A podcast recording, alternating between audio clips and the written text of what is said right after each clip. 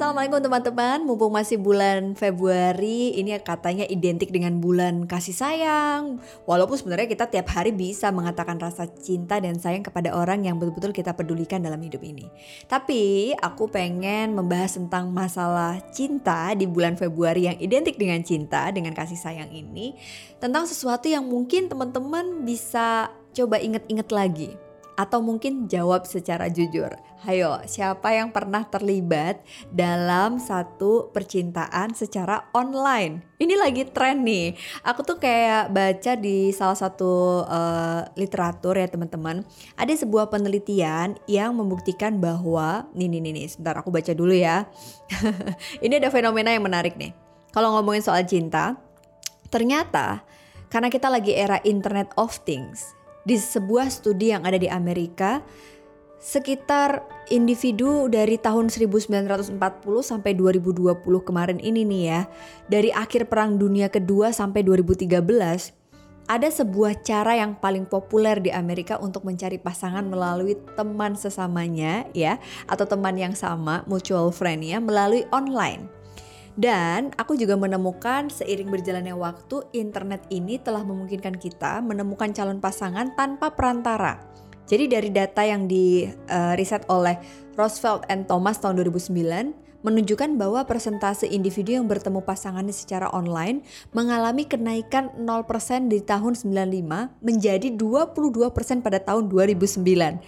Walaupun udah dari 1940 nih ya zaman perang dunia sampai 2020 tapi ternyata dari 95 ke 2009 ini naik 22 persen.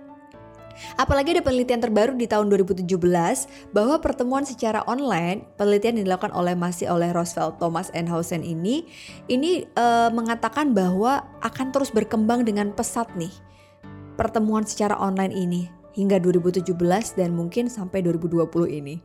Waduh, ini kalau kita ngelihat nih ya, ternyata datanya lumayan cukup membuat kita jadi nggak begitu sulit lagi nyari jodoh ya.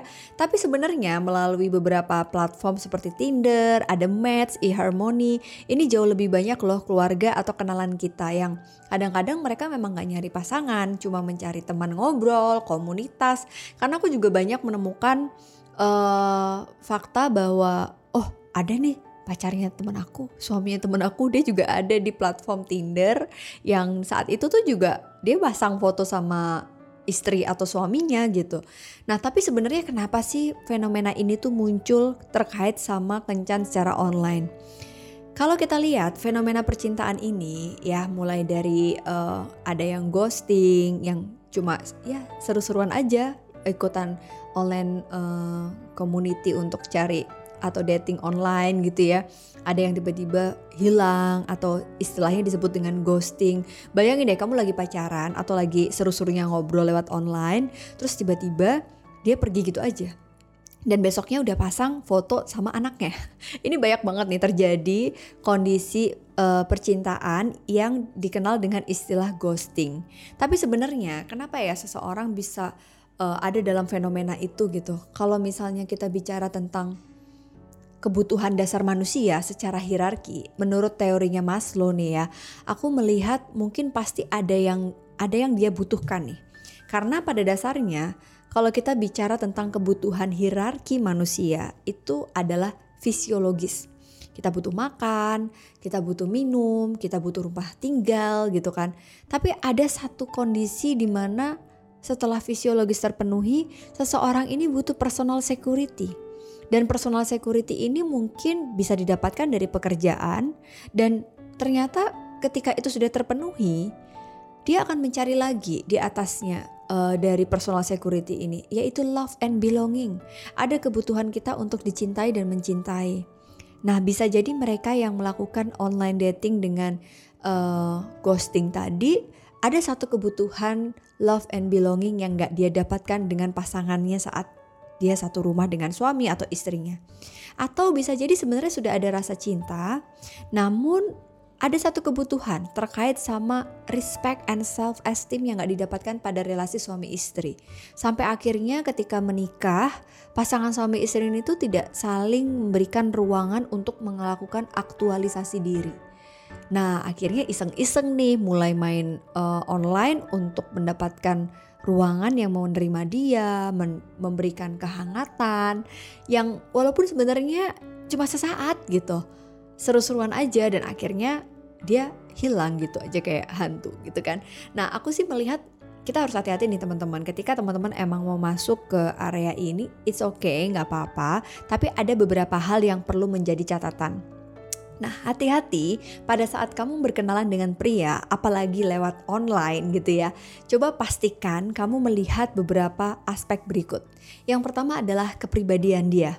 Bukan sesuatu yang dia punya secara pribadi ya, tapi ini akan bisa terlihat dari penampilan dan uh, ya bukan hanya status sih tapi lebih ke bagaimana kamu berkomunikasi apakah ada kenyamanan apakah memang orang ini baik apakah memang dia kepribadian yang kamu rasa bisa melengkapi kekurangan kamu dan lain sebagainya. Lalu yang kedua ada juga kita yang melihat uh, komunikasi singkat itu menunjukkan ketertarikan yang serupa. Jadi akhirnya ini bisa jadi teman ngobrol kita nih sampai tua gitu kan. Dan yang ketiga adalah level di mana kita bisa melihat orang ini betul-betul mereka yang bisa diandalkan dalam waktu apa pun, kondisi apa pun. Orang-orang yang bisa diandalkan dan bisa dipercaya dalam setiap kondisi ini adalah orang-orang yang mungkin pada saat dia gagal kita bisa lihat dia bisa cepat bangkit. Lah kalau dia gagal, dia terpuruk dan dia nggak bisa cepat bangkit, gimana kita bisa mengandalkan dia gitu kan? Nah yang keempat adalah kestabilan emosi. Jadi kestabilan emosi ini menjadi sangat penting buat kita melihat pasangan kita gitu kan. Kalau teman-teman lihat semisal nih kalau kalian ngobrol ini akan kelihatan kalau dia lagi marah atau dia punya masalah.